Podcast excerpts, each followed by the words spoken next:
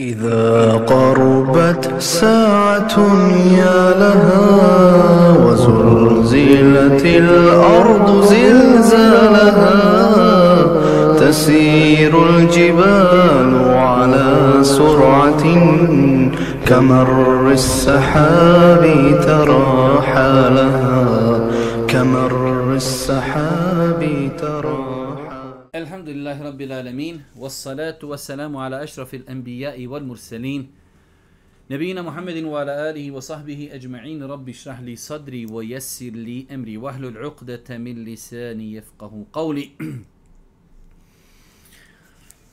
Braćima draga, nakon zahvala uzvišenom Allahu subhanahu wa ta'ala, salavata na Božih poslanika, ali salatu wa salam, da kažemo da se evo nalazimo još u jednom druženju, još u jednoj emisiji, još u jednom dersu. U projektu naše čitaoni, hvala Allahu subhanahu wa ta'ala koji je olakšao pa smo jednu knjigu iz seta šest knjiga imanskih šarta od Alija Salavije završili i eto, onako u nekom kraćem komentaru i prokomentarisali. Večeras, alhamdulillah, počinjemo sa drugom knjigom, knjiga Vjerovanje u meleke od istog autora. Ova knjiga je relativno manja obimom od ove knjige Prvi pa ćemo ako Bog da, inšala, nadamo se i brže i završiti. A nadamo se da će do tada i treća knjiga, ako Bog da, izaći. Mi smo malo onaj, usporili sa izdavanjem knjiga, pošto smo željeli da sada krenemo sa izdavanjem redom. Znači da počnemo izdavati prvu knjigu Vjerovanje u Allaha i nakon toga druge knjige. Interesantno je da autor na početku knjige nije spomenuo, a mislim da je bilo pametno i lijepo da se spomeni određene koristi koje proizilaze praktično čovjeku u svakodnevnom životu iz vjerovanja u meleke.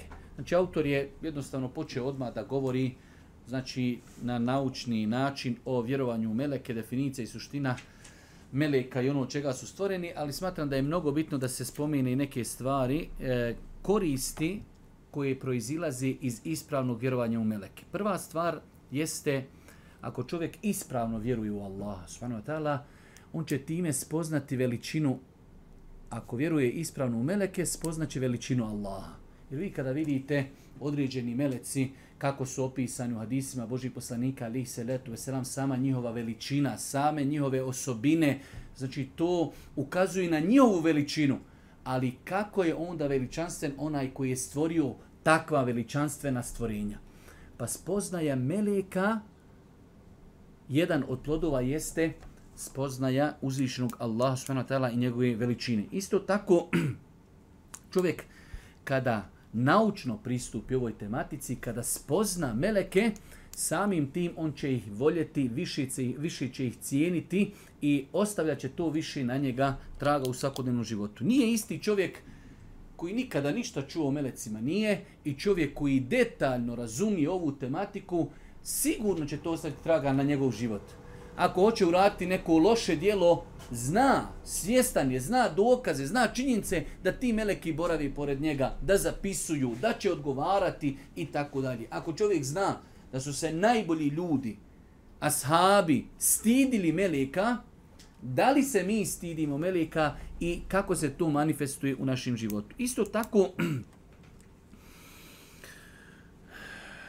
da čovjeka to, odnosno spoznaja melika da ga to podstakne na činjenje ibadeta. Kada vide, kada ljudi vide koliko su meleci pokorni Allahu tebarak ve ta'ala, onda insan u jednu ruku toga jednostavno motiviši da i on bude pokoran uzvišenom Allahu subhanahu wa ta'ala. Čak islamski učenjaci spominju da insan u datom momentu kada ga nekad ponese ono, ajde da kažemo, nefs, ego, jesam dobar, kvalitet, ibadetim, iskren, kada čita o melecima, kada vidi njihove ibadete, onda ga to opet s druge strane odgaja da se spusti na zemlju u smislu naši ibadeti su daleko, daleko od onoga na čemu su, na čemu su meleci. Isto tako, e, u jednom momentu će autori govoriti o tome vjerovati u meleke ima jaku vezu u vjerovanje u poslanike, jer poslanicima je dolazila objava putem meleka. Pa kada govorimo o melecima, mi na taj način jačamo svoje vjerovanje u poslanike. Jer meleci je jedna od Veliki zadaća jeste i donošenje objavi, veza meleka sa poslanicima. Pa, govoreći o melecima, mi potvrđujemo, potvrđujemo vjerovanje u poslanike. Isto tako, spomenuli smo govoriti o melecima i spoznati njihova svojstva, njihova dijela, njihova imena. Istoga proizilazi da se čovjek meleka stidi pa ćete vidjeti čovjek koji spozna zadaće, svojstva, osobine melijeka, da će to ostaviti traga na njega i na njegov život. Zato ćemo vidjeti kad islamski učenjaci govori o stidu, pa kaže se stid od Allaha, stid od melijeka, stid od ljudi, stid od samoga sebe. Ali su i meleki nezaobilazan, znači faktor o kojem se govori kada se govori o stidu. Govoriti o melekima isto tako ostavlja traga na čovjeka, čovjek će spoznati dijela za čije se meleki dovi. Pa samim tim to budi kod nas šta? Želju da budemo od tih ljudi.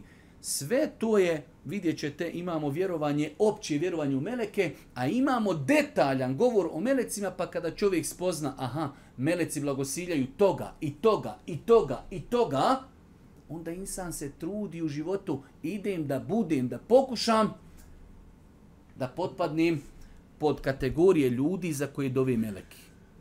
Insan možda nekada razboli se neko, pa i otišao bi, ne bi otišao. Ali pročitaš hadis, 70.000 meleka, nepogrešivi Allahovi stvorenja, dovi za čovjeka cijeli dan kad obiđe bolesnika, ma i ono kad ti dođeš, ima nemoj, sjedi, idem, zašto?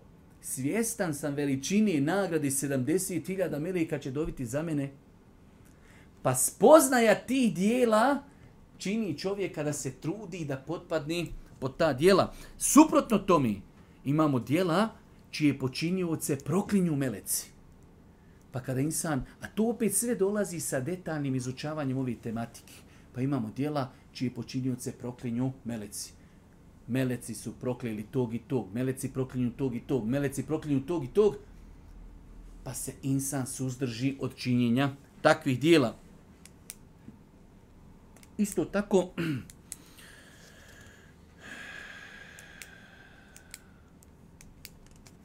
već smo evo spominjali te neke stvari. U svakom slučaju e, vjerovanje u meleke, vjerovanje u meleke ostavlja na čovjeka sigurno mnogo pozitivnih tragova, tako da je dobro e, mimo onoga što insan nauči u datom momentu negdje, hajde kažemo, u osnovnim razredima mekteba, ono, vjerujemo u meleke, stvoreni su tako, imaju tri, četiri imena i to je nešto osnovno što mi vjerujemo u meleke i o tome će autori kazati na početku knjige, to su neke osnovne informacije koje čovjek mora da vjeruje u vezi Meleka ali isto tako dobro je na osnovu kuransko-hadijskih argumenta da čovjek zna detaljnije o toj temi, a to će, vjerujte, ostaviti na njega mnogo traga. Pa na početku prvo poglavlje 21. stranica kaže autor jezička i terminološka definicija meleka. Riječ melek, terminološki, znači da mi sad se ne, ne umaramo oko, to, oko te jezičke onaj definicije, terminološki meleki su uzvišena samo opstojeća bića. Uzvišena, plemenita, čestita, pokorna uzvišenom Allahu subhanahu wa ta'ala. Allahovim davanjem mogu pretvoriti se u druge likove. Znači, jedno od, jedna od osobina melika jeste da se mogu pretvarati u druge likove. Za nas je to nešto, ajde da kažemo, čudno, jer je to nešto što nije svojstveno nama i našem svijetu, da meleki imaju mogućnost, i to je potvrđeno sa, sa više različitih argumenata, da meleki imaju mogućnost da se pretvaraju druge likove i meleki, kaže likove, i koja imaju nadnaravnu moć. Znači imaju mnogo, mnogo veću moć od moći ljudi. I to ćemo opet vidjeti kroz različite hadise Allahu poslanika ali se letu selam kada je u pitanju njihova snaga, kada je u pitanju njihova veličina, kada je u pitanju njihova brzina, kada su u pitanju njihove funkcije, vidjet ćemo znači nešto što jednostavno naš ljudski razum ne može pojmiti osim da u to vjerujemo, vjerujemo kako je došlo u hadisima ili eventualno ako je u pitanju kuranski opis. Nema im broja. Ima broj, ali znači toliko ih je mnogo da mi ne znamo njihov broj. A uzviš Allah subhanahu zna precizno njihov broj, ali ih je mnogo, izrazito mnogo i autor će o svim ovim stvarima detaljno govoriti i e, iznositi iznositi dokaze koji to potvrđuju. Džehennem će na sudnjem danu imati 70.000 ručaka i nekih, da kažemo, povodaca, a za svaki povodac će voziti 70.000 melika. 70.000 povodaca, za samo jedan povodac vozi i čupa i tegli 70.000. Znači, mnogo, mnogo. Samo uzmite sada na planeti koliko ima ljudi. I u svakog čovjeka ima dva, a neki učenjaci kažu ima i četiri meleka. Pa ako ima sada na planeti 7 milijardi ljudi, u svakog insana imaju dva meleka. Znači, broj meleka je izrazito, izrazito velik. Ne jedu, ne piju i ne razmnožavaju se. Opet jedna velika razlika od ljudi. Meleki ne jedu, niti piju, niti se razmnožavaju. Allahu su bliski i pokorni. Znači to, je, to su Allahu subhanahu pokorna bića. Ne protive se Allahovim zapovjedima i izvrš, izvršavaju ono što se od njih traži ne posjeduju božanske atribute. E sada pogledaj tu jednu krajnost, znači e, kroz historiju, kroz historiju ljudi su znali zbog e, potpunosti, savršenstva Melika, znali su ljudi otići u krajnost pa da ih opisuju u božanskim svojstvima, što nije tačno. Pa autor želi da odstrani od nas to pogrešno uvjeđenje, oni meleki su stvorenja, robuju Allahu, pokorni su apsolutno i nemaju nikakvih božanskih svojstava i ne zaslužuju da ih se obožava. Jedino ko zaslužuje da mu se ibadet čini jeste uzvišnji Allah te bar Ovo je, autor je pokušao u nekoliko rečenica i opisa da opiše šta su to meleki. Suština meleka prema Kur'anu i hadisu. Prema časnom Kur'anu, hadisu i konsenzusu islamske svih muslimana, Meleki su jedno od Allahovih stvorenja, stvorio ih je radi toga da mu robuju, kao što je stvorio ljude i džine. Znači, razlog stvaranja ljudi, džina i meleka je isti. Robovanje uzvišnjom Allahu subhanahu wa s tim što mi ljudi se razlikujemo da imamo slobodnu volju.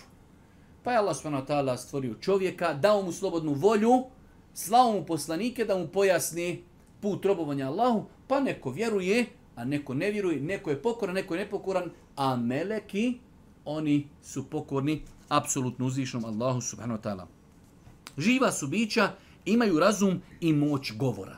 Znači razumna bića i imaju moć govora. Svijet meleka nije svijet džina, niti je naš pojavni svijet. Isto tako, znači mi imamo svijet ljudi, imamo svijet džina, imamo svijet meleka, koji se potpuno razlikuje u mnogim pitanjima od ova dva svijeta.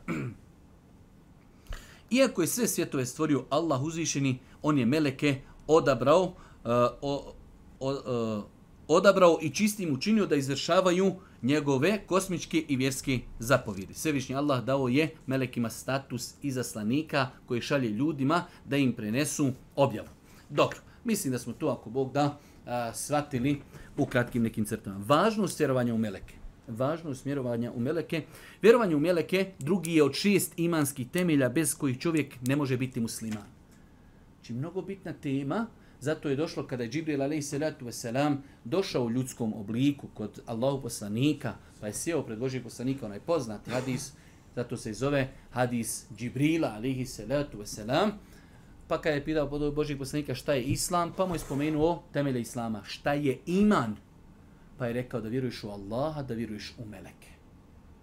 Tako da je vjerovanje u meleke sastavni dio sastavni dio, temelj islamskog vjerovanja, čovjek kada bi negirao meleke, kaže nemaju meleci ili ne vjerujem u meleke, nevjerstvo, kufr, da bi čovjek, njegovo vjerovanje bilo potpuno ispravno, mora da vjeruje u meleke ako ništa u te neke najosnovnije stvari i najosnovnija pitanja, postoje bića koja se zovu meleki pokorni Allahu te barek imaju različite funkcije, imaju različita imena, ja u to vjerujem.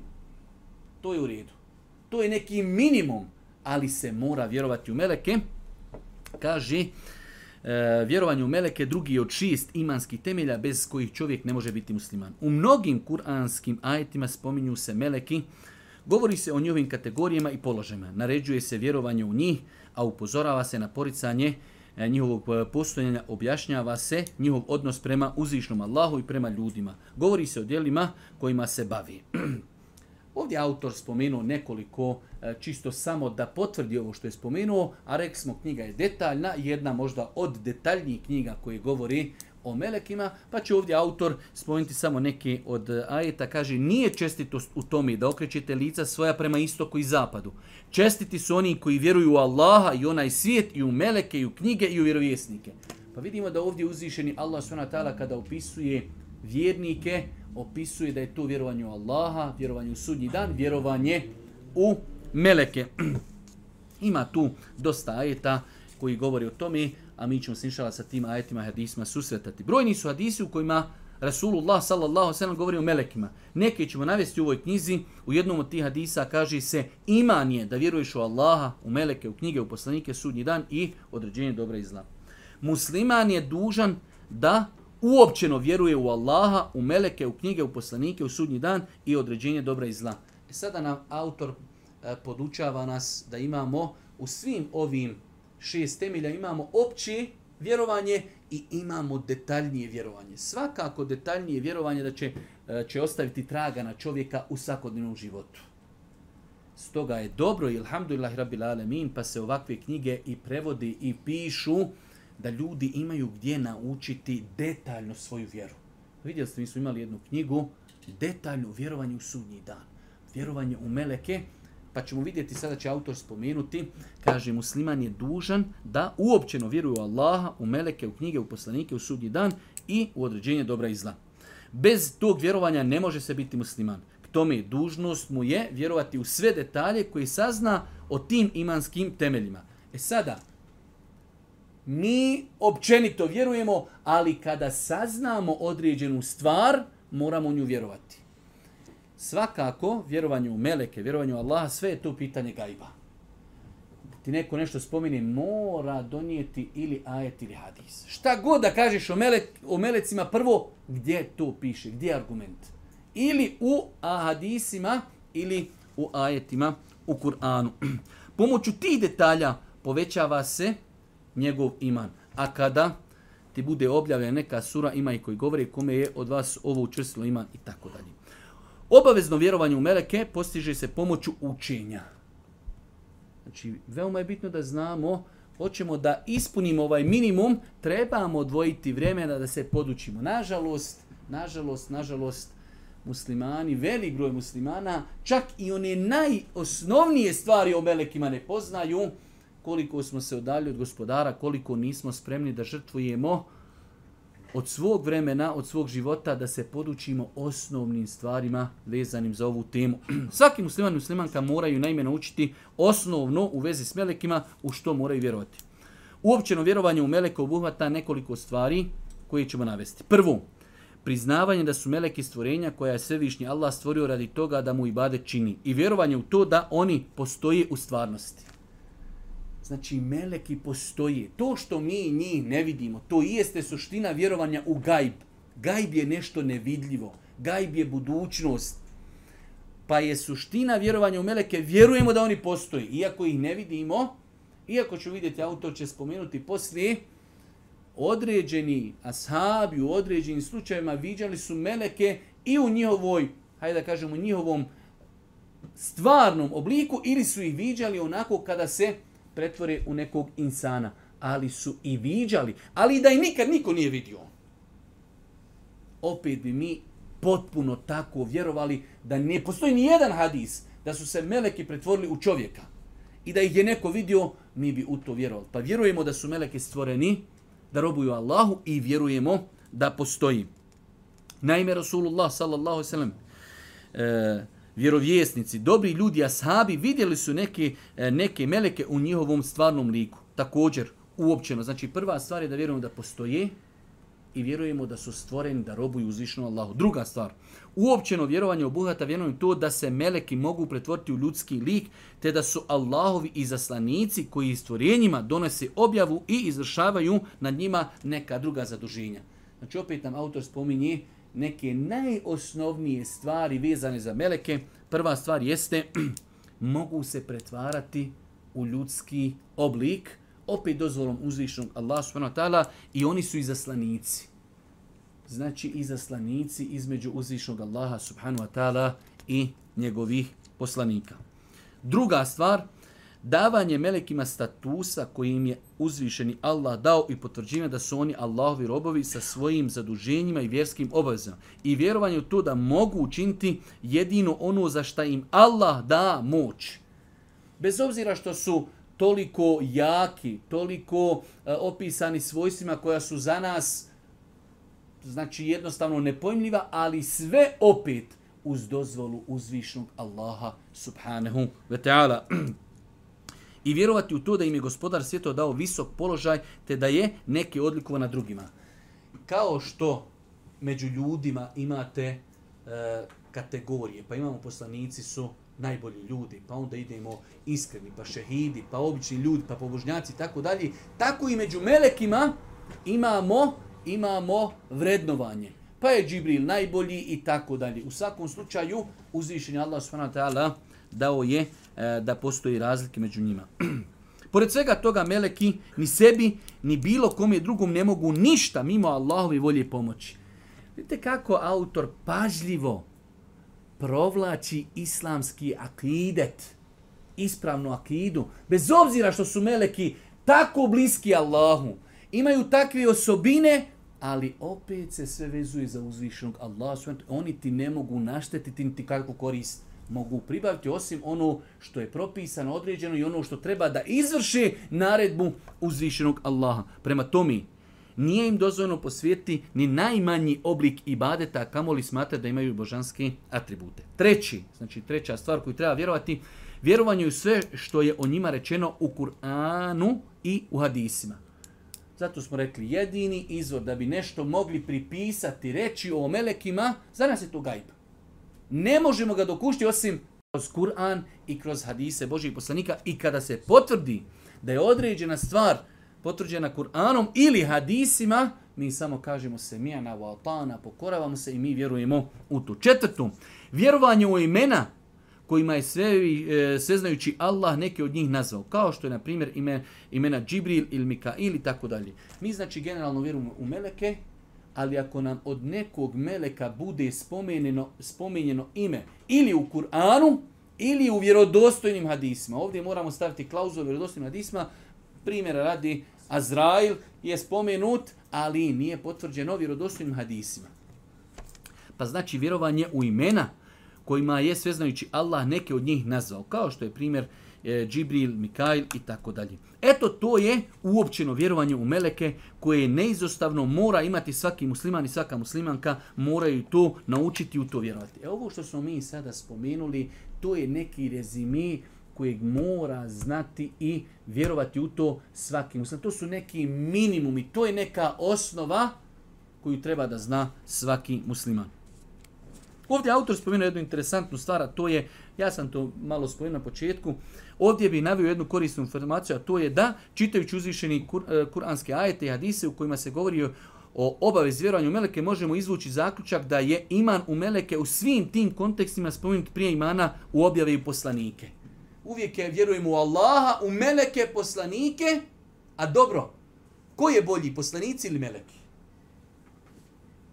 Bolji su poslanici bolji su poslanici. Pa čak i pobožnjaci, ljudi koji nisu poslanici bolji su od meleka u tom kontekstu. Ali zašto meleki uvijek? Baš zbog one linije kad smo rekli e, vjerovanje u meleke, iz njega proizilazi i vjerovanje u poslanike. Jer nedostajala bi nam ta linija. Imamo poslanike, imamo uzvišnog gospodara.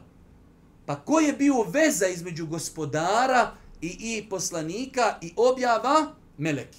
Pa je Allah najbolji zna, e, znači kada kažemo amen tu billahi wa melaiketi wa kutubi wa rusuli, vjerujemo Allaha, knjige, poslanike, meleke, nije to redano nekim da kažemo vrednovanjem koje je najbolji, već vjerova, znači pomenuto je zato što iz vjerovanja u meleke proizilazi vjerovanje u poslanike. To je eto autor želio da spomeni. Od čega su stvoreni meleki? Rasulullah s.a.v. rekao je, meleki su stvoreni od svjetlosti, džini od užareni vetri, a čovjek od onoga što je već kazano.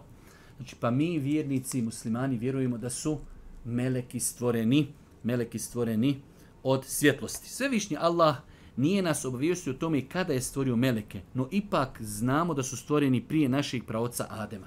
Znači, znate onaj događaj kad je uzvišnji Allah s.w.t. u Adema, da su meleki već postojali. Oni kažu, a zar ćeš stvoriti nekoga ko će na zemlji nericijat? Što ukazuje šta?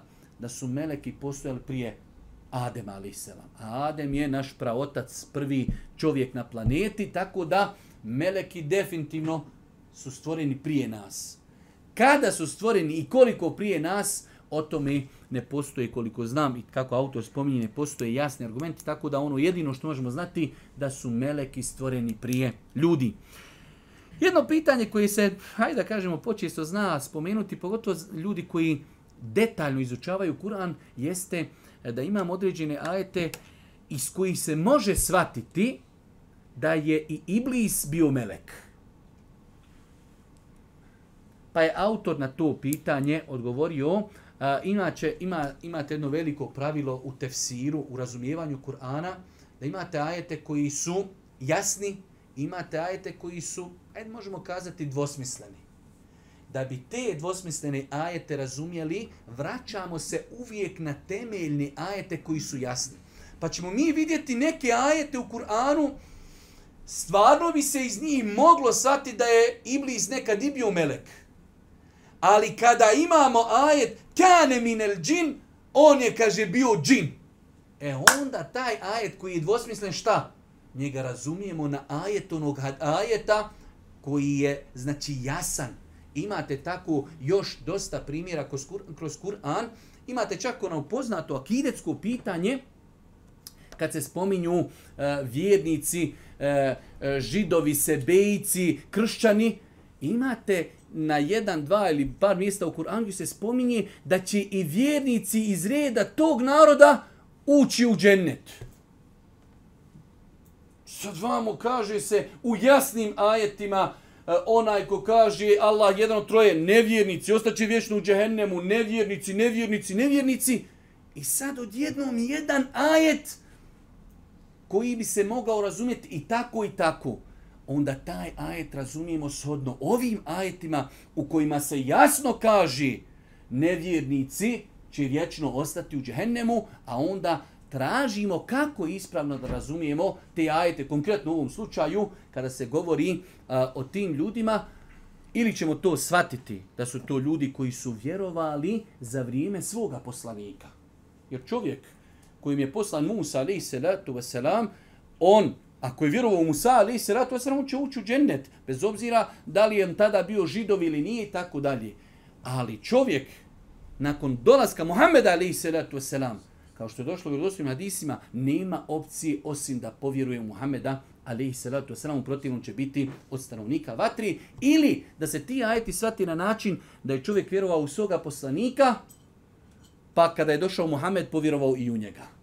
Ali u protivnom te ajete koji su da kažemo dvosmisleni, svatamo i na osnovu onih velikih temeljnih ajeta. Pa ovdje kaže autor, učenjaci se razilaze u pogledu toga je li Iblis pripada u melekima ili džinima. U nekim se kuranskim ajetima kaže da su meleki pali ničice pred Ademom i da se Iblis nije pokorio. Izuzeti iz meleka. Allah je naredio melekima da urade seđdu, Kaže, a nije uradio Iblis. Allah naredio da Melek uradi seždu, melek, e, a Iblis nije uradio, kao da je on izuzet iz te naredbe, pa se može indirektno shvatiti da je i Iblis bio nekada Melek. Kaže, pa je autor citirao te ajete, ali on kaže Priklonio sam se stavu onih učenjaka koji smatraju da Iblis nije pripadao melekima, jer je to stav utemeljen na snažnim dokazima od kojih ćemo navesti samo neki.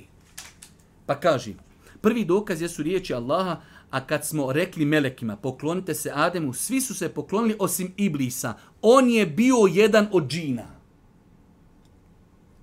Jasno, kodan. Znači u ovom, ovim prirodnim ajetima možda se moglo da kaže Allah Đerešan naredio seždu melekima, a nije uradio Ibli seždu.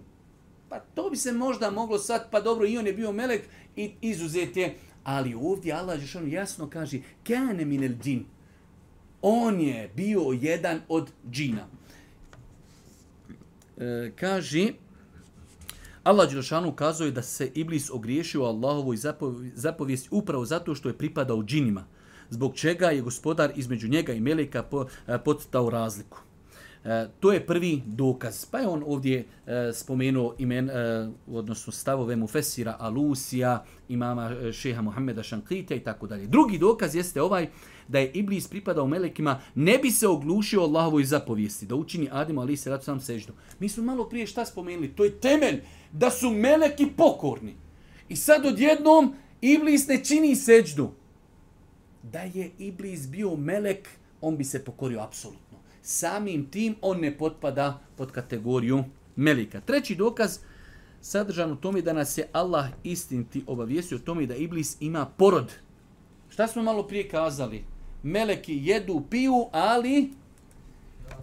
Jest. Za razliku od Iblisa, gdje je spomenuto više, znači, eh, ajde da kažemo dokaza, da on ima svoje potomstvo. Pa je opet to jedna razlika koja nam ukazuje da Iblis ne pripada ne pripada melekima. Četvrti dokaz jeste to da nas je Allah subhanahu wa ta'ala obavijestio o tome da je Iblis stvoren od vatri, a nije nas obavijestio da je od vatri meleke stvorio. Mi imamo jasne argumente da je Allah Žešanu stvorio meleke od svjetlosti, a opet s druge strane da je Iblis stvoren od vatri. Peti dokaz sadržan je uzvišenim kuranskim ajetima – u džehennemu zalutalima ukaza, e, ovaj ćemo ajet, to sam za, zaštrafirao da ćemo preskočiti. Mislim da ova četiri dokaza su više nego dovoljna i jasna za čovjeka koji želi da zna ovo pitanje. Sutra te neko pita, pa ima neki kuranski ajet iz kojeg se može razumjeti da je Iblis bio melek. Čovjek mu kaže ne, Iblis nije melek. Allah Žešanu u jasnim kuranskim ajetima kaže da nije melek. Drugo, Iblis je odbio da uradi seždu, meleki nikada ne odbijaju. E, razlika je u onome u čemu je stvoren, znači Iblis. Iblis ima potomstvo, meleki nemaju potomstvo i ta četiri odgovora treba da budu dovoljna vjerniku da vjeruje i da zna da Iblis je znači od skupine džina, a nikako od meleka. Izgled i osobine meleka.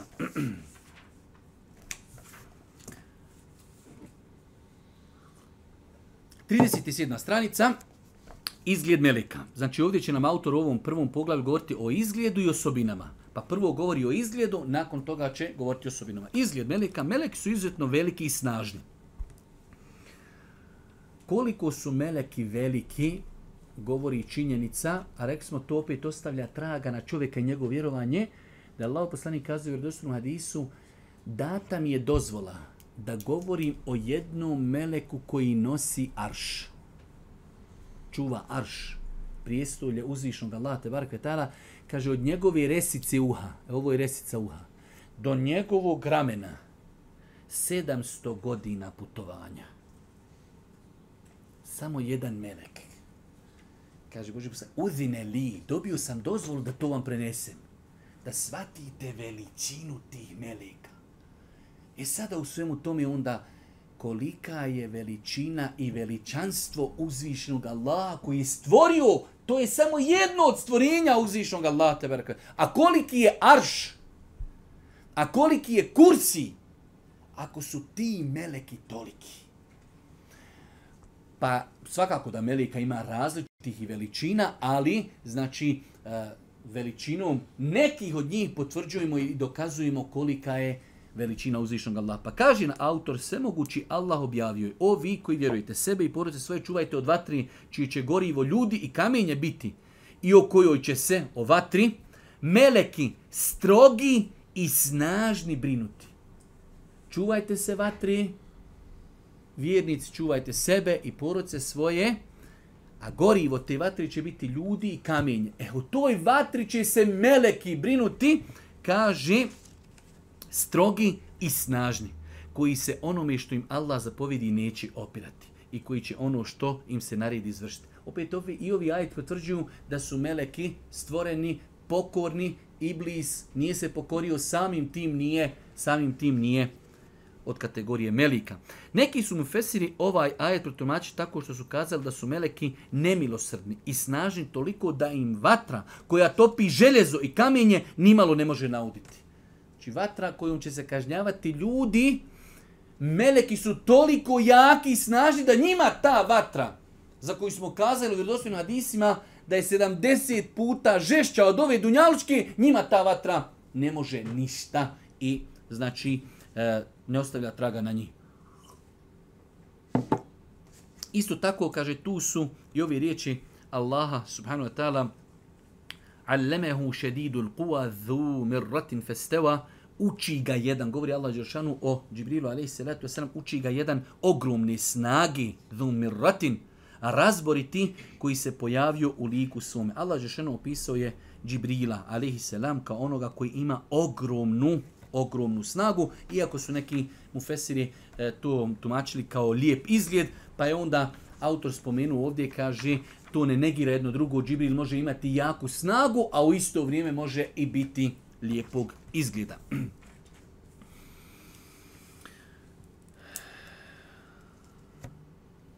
Tu je i predaja u kojoj se kaže da je Iša radijallahu ta'ala upita Allahu poslanika jesi li doživio teži dan od onoga na Uhudu. E, ovo je najpoznati hadis kada je poslanika poslanik alaihi salatu selam e, razgovarao sa Išom pa ga pita Iša radijallahu ta'ala ne se doživio neki teži dan od onoga što se desilo na Uhudu. Znamo što se desilo muslimanima na Uhudu kada su preživjeli jedan E, proživjeli jedan veliki poraz gdje je ubijeno 70 ljudi, ranjen Boži poslanik ali se latu veselam i tako dalje. Kaže Allah poslanik je rekao svašta sam doživio od tvojih sunarodnjaka, ali najteže mi je palo ono što sam doživio od njih na dan Akabe. Kada sam se obratio Ibnu Abdul Djelilu, za pomoć i podršku, pa mi nije odovoljio ispunio ono što sam njega otražio, pa je Allah poslanik ali se ratu sam ispričao na događaj kada je otišao u Taif, pa su ga gore stanovnici Taifa zakamenjali, iza, znači istjerali iz Taifa do te mjere da su raskrvali Božih poslanika. Pa je u putu, u povratku, znači Taif i Meka su neki eto, 60, 70, 80 km, pa u povratku iz Taifa Allahom poslaniku uzvišeni Allah je poslao Džibrila, ali i selam i meleka zaduženog za brda. To je ta pojenta. Autor nam govori o veličini meleka da je Melek zadužen za brda kazao hoćeš li da ta velika dva brda koja su oko Taifa, da uzmem i da ih na stanovnike Taifa. Znači, govori se o... Cijeli hadis je autor spomenuo samo da bi potvrdio činjenicu koliki su meleki jaki i snažni da mogu uzeti dva brda, znači i u isto vrijeme ih sprovaliti na neke stanovnike, znači u ovom slučaju konkretno stanovnike Taifa, pa je Allah poslanik alaihi salatu selam iz rahmeta i milosti, bez obzira E, u tom momentu e, što je bio i istjeran i u datom momentu dunjalučki rečeno i ponižen i iskrvaren, opet je odbio, odbio da se to uradi tim ljudima, kaže možda će Allah dati da iz njihovi kičmi, njihovi potomci budu oni koji će robovati Allah i tako se i desilo da su stanovnici Tajfa bili e, među boljim muslimanima. Pa nam autor citira ovaj hadis kojeg smo malo prije spomenuli. Od Džabira ibn Abdullah radijallahu ta'ala prenosi da je poslanik kazao Dopušteno mi je da vas obavijestim u veličini meleka što nosi arš između resice uha tih meleka i ramena razdaljna je hoda od 700 godina. Meleki imaju krila. Znači, svojstvo meleka jeste i da imaju krila svevišnji. Allah je rekao, hvala neka je Allah, stvoritelj nebesa i zemlji, koji meleke sa po dva, tri, četiri krila čini i za slanicima. Ono što je interesantno, kod nas na Dunjalku, znači sve nešto, ono treba da bude u tom nekoj u paru da bi nešto, znači evo kad je meleci lete, treba i dva krila ili četiri, a imate meleke i sa tri krila. Što opet potvrđuje i govori o veličini uzvišnog Allaha. Tu su i Sljedeći poslanikove riječi, postoje meleki koji putuju i traži haliku kojima se čini zikr. Kada zateknu skupinu ljudi koji čini zikr, pozovu jedni drugi, dođite, ovdje se nalazi ono što tražite, zatim im obuhvate krilima sve do zemaljskog neba. To je pojenta, znači, Allaha molimo da i mi budemo takvih skupova koje nadkrivaju meleci svojim krilima. Kaže, meleci imaju koji zadužen samo hodaju po zemlji i traže skupine gdje se Allah veliča gdje se Allahov govori i gdje se tumači vjera. Pa kada dođu, zovu jedni druge, dođite, dođite, naš smo ono što tražimo, tu je. Pa kaže, natkriju svojim krilima taj skup skrojz do neba. Hadis u osnovi govori o vrijednosti veličanja Allaha, prisusta predavanjima, ali autor je iz toga ovdje pronicljivo spomenuo, oni kaže svojim krilima natkriju taj skup sve do dunjalučkog neba. Meleki se veoma brzo kreću. Meleki se veoma brzo kreću i to je autor potvrdio sa jednom izuzetno interesantnom činjenicom. Možda sad kad bi nisam ono, ne znajući pitao šta je dokaz da meleki se brzo kreću. Trebalo je baš malo biti pronicljiv da čovjek skonta šta je. Ali jedan od dokaza jeste da su poslaniku ali se Selatu sam dolazili ljudi, znali su ga nešto upitat i u isto vrijeme kaže došla mi je objava, pa odgovori Boži poslanik. Pazite danas kad uzmijete, kad uzmijete kosmos i kad uzmijete, a ovo što mi od kosmosa znamo, to samo uzvišnji Allah zna koliko je malo od veličine cijelog kosmosa. I koliko je arš uzvišenog Allaha udaljen od nas. Kad ljudi sad počnu tamo galaksije, pa dužine, pa sto, stotina, hiljada, milijuna svjetlosnih godina i oni šta lupe ne znaju ni oni šta su rekli. Toliko je to toliko daleko. E sada, zvijezde, kretanje zemlje, e, sve to kad uzmete koliko je trebalo Džibrilu alaihi salatu wasalam do, da od Arša dođe do Božih poslanika alaihi salatu wasalam. Gdje čovjek dođe nešto, postoji pitanje, kaže Allah poslanik, evo došao mi sad Džibril, rekao mi je odgovor na to.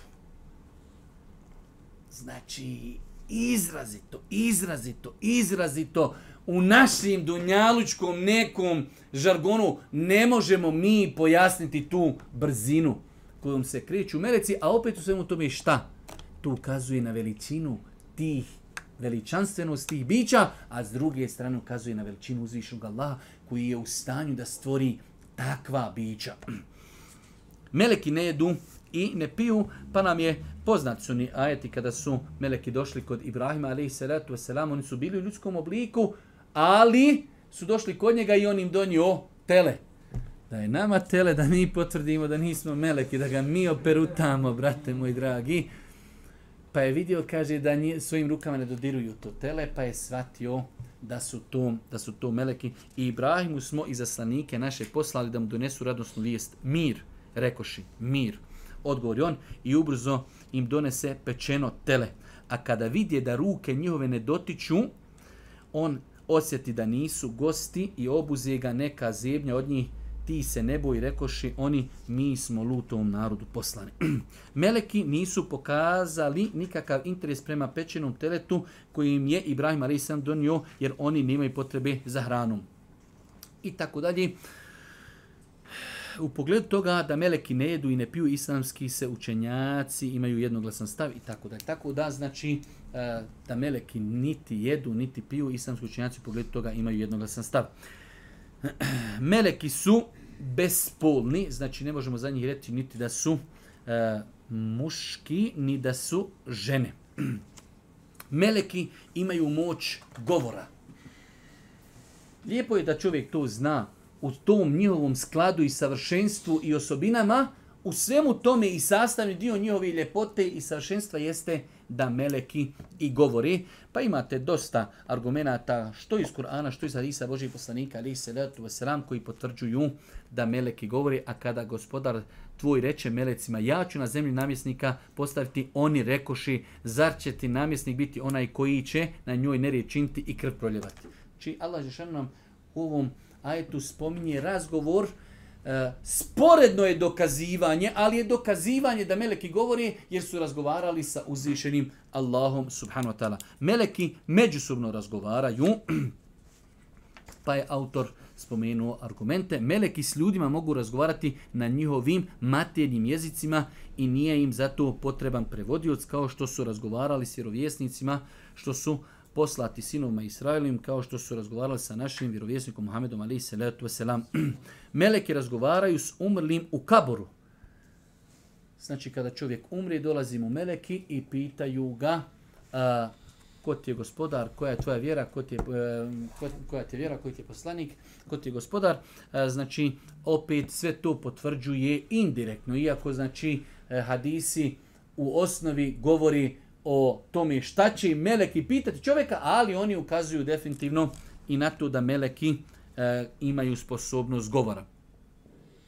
Brojni su i nada, sve poznati vjerski tekstu u kojima se kaže da meleki imaju moć govora. Ukratko rečeno, meleki imaju moć govora i to je bez imalo sumnje osobina koja znači da su oni savršena bića. Musliman je dužan vjerovati u to da meleki govori i u sve drugo čim je okarakterizirao i opisao Allah poslanik. Meleke su stvoreni u predivnom izgledu.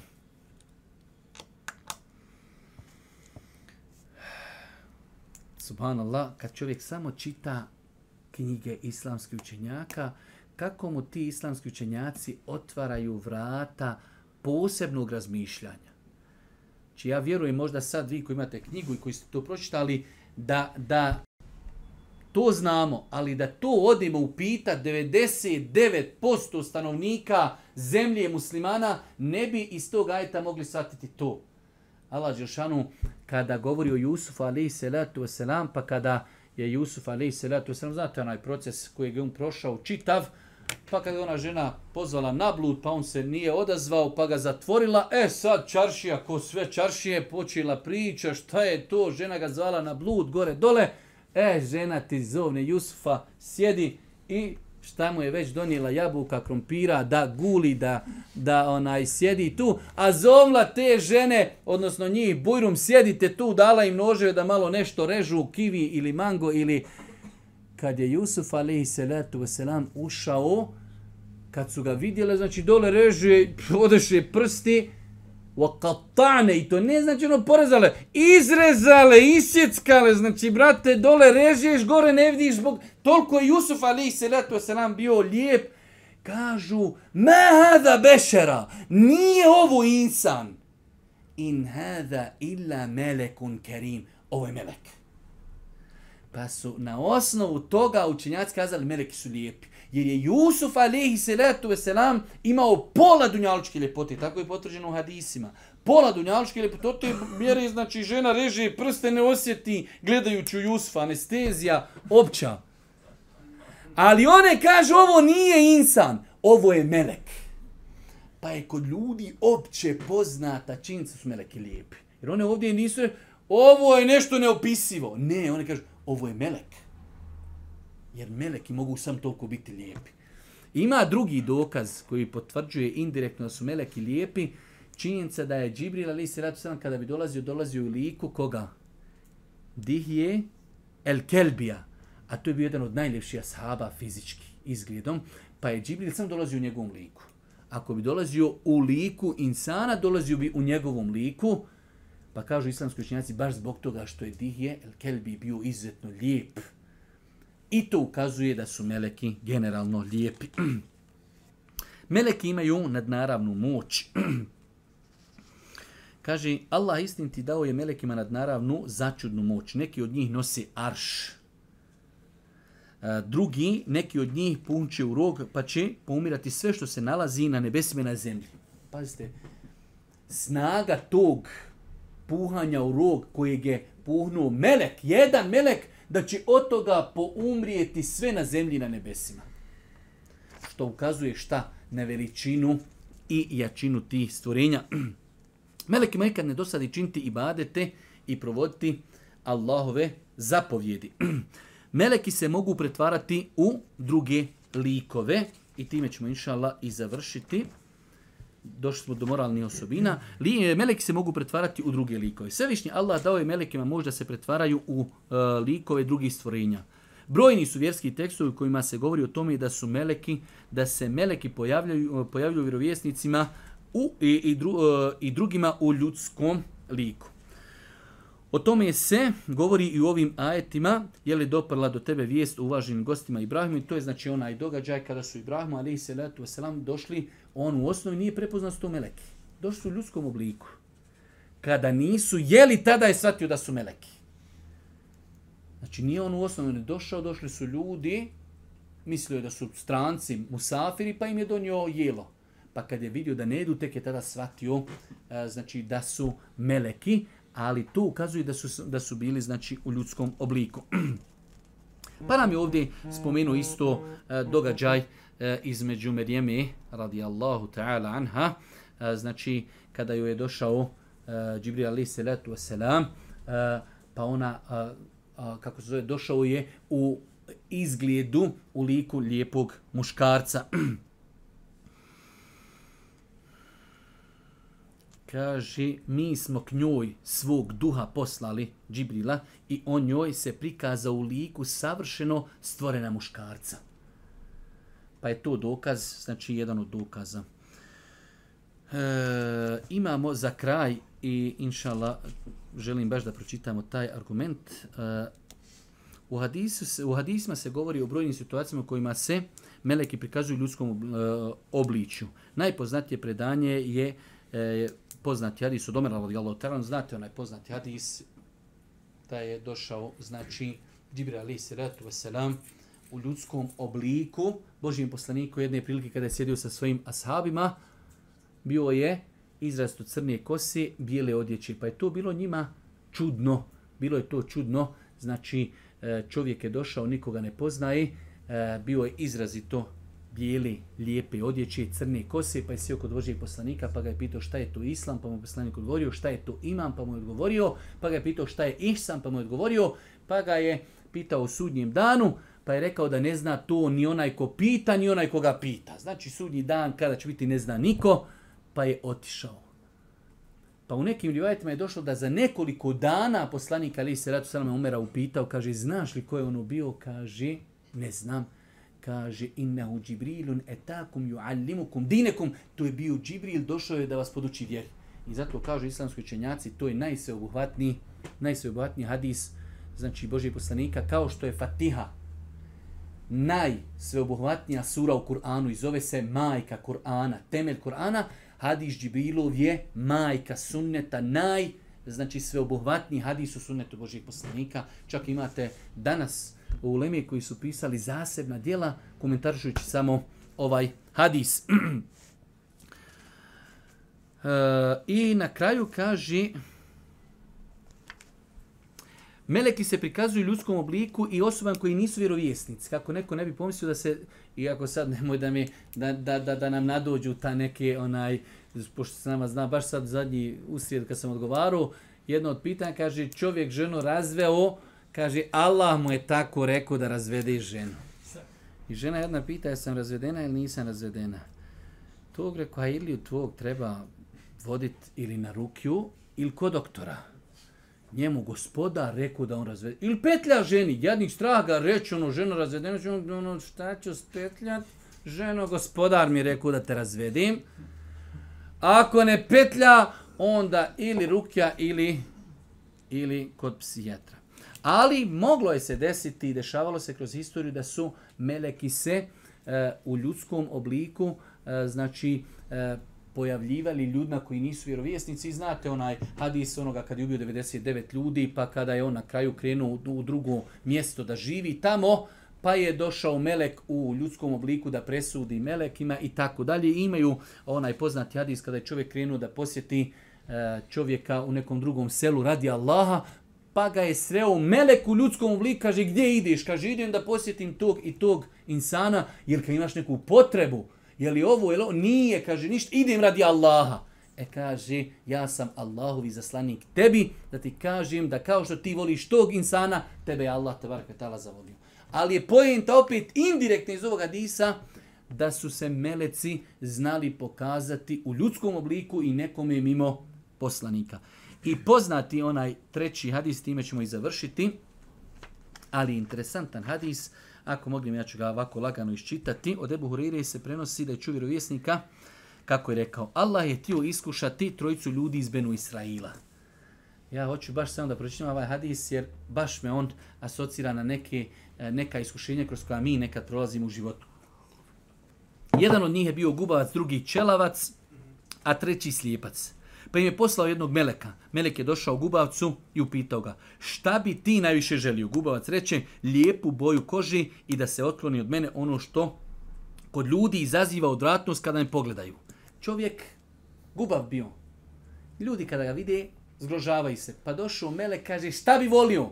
Da mi je, kaže, da ja budem koji svi ostali, se ljudi ne zgrožavaju kada me vidi. Melek prijeđe rukom preko njegova tijela i njegova bolest nestade i bi mu data lijepa boja koži. Zatim ga Melek upita, koji ti je imetak najdraži? A on reče, deve. Data mu je steuna deva i rekao mu je Melek, neka ti Allah u njoj dadne blagoslov.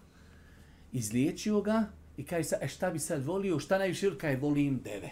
Pa mu je Melek dao, poklonu devu koja je bila steuna, znači E, što ukazuje da bi to moglo da, da se razmnoži. Zatim melek došao Čelavci, upitao ga šta bi ti najviše volio? Čelavac reče lijepu kosu i da se oslobodim ovoga zbog čega kad e, kod ljudi izazivam odbojnost. Melek ga pomilova po glavi, te boli isprođe i dobi lijepu kosu. Zatim ga Melek upita koji ti je imetak najdraži, a on odgovori krave.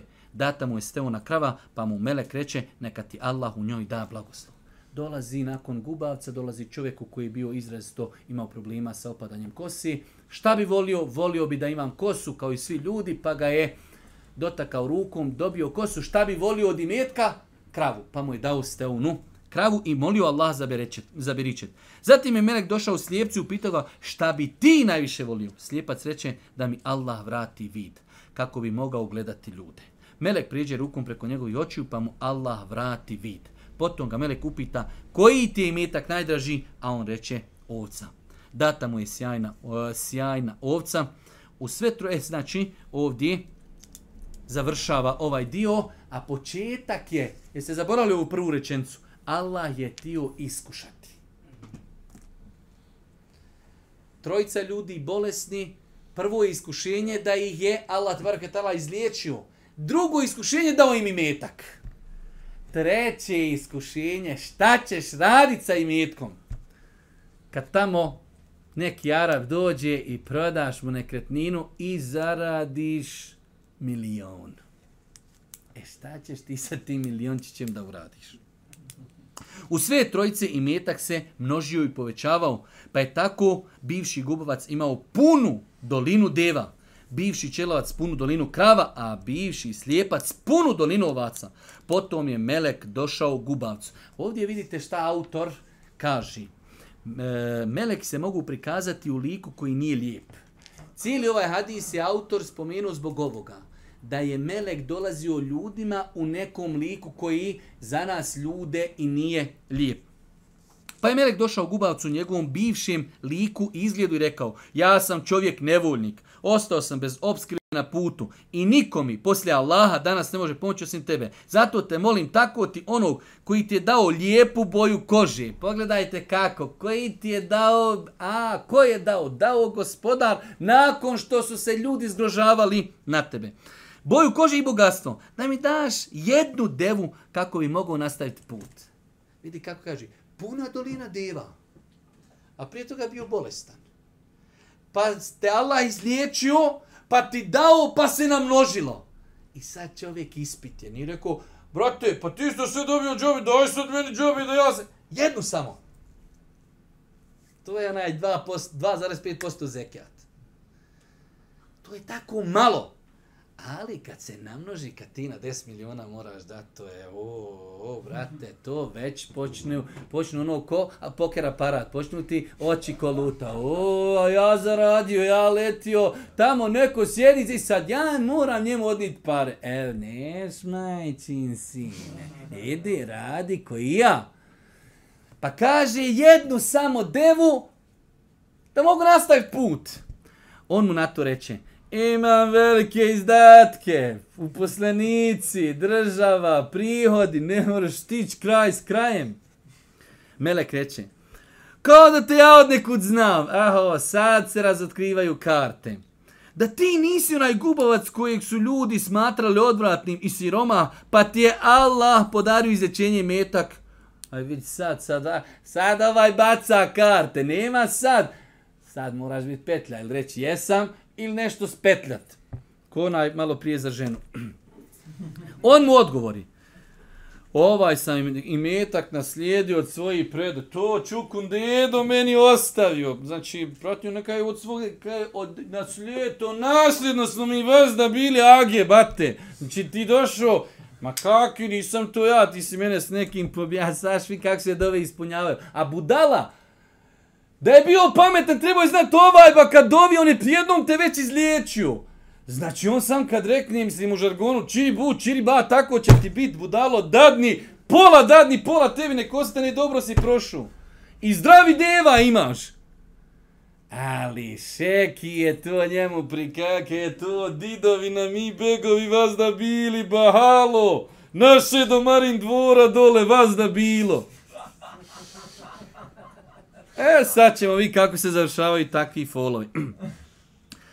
Ovaj sam imetak naslijedio od svojih predaka. Mele kreće. Ako si slagao, neka te Allah vrati ono u stanje kojim si bio. Opa! Oj! Ako si slagao, neka ti Allah vrati ono u stanje u kojem si bio, zatim Melek došao čelavcu u njegovom prijašnjem liku. Znači, proučio dogu Melek protiv tebe. Završena stvar. Zatim je Melek došao čelavcu u njegovom prijašnjem liku i rekao mu, ono što je rekao i Gubavcu. Ovaj mu je odgovorio kao i prvi, a zatim i Melek i njemu reče, ako si slagao, neka te Allah vrati ono u stanju kojim si bio. Potom je Melek došao slijepcu u njegovom prijašnjem liku pa je rekao, ja sam siromašan čovjek, putnik koji na putovanju ostao bez obskrbi i niko mi poslije Allaha danas ne može pomoći osim tebe. Zato te molim, tako ti ono koji ti je povratio vid, nekako ono koji ti je dao vid, on njemu daje i šare, ja znam da nisi imao vid pa ti ga neko vratio. Pa kaže i tako ti ono koji ti je povratio vid da mi daš jednu ovcu kako bi s njom pomogao se na putu. On mu odgovori, ja sam bio slijep pa mi je Allah vratio vid. Uzmi koliko hoćeš, a ostavi koliko hoćeš. Tako mi Allaha šta god danas uzmiješ, neću te opterećivati da mi to vratiš. Radi uzvišnog Allah. Melek mu tada reče, zadrži svoj metak, vi ste samo iskušani, Allah je zadovoljan s tobom, a rasrdio se na onu dvojicu Allah molim subhanu wa ta'ala da nas učisti na putu istini i da nas ne iskuša iskušenjima koja ne možemo podnijeti.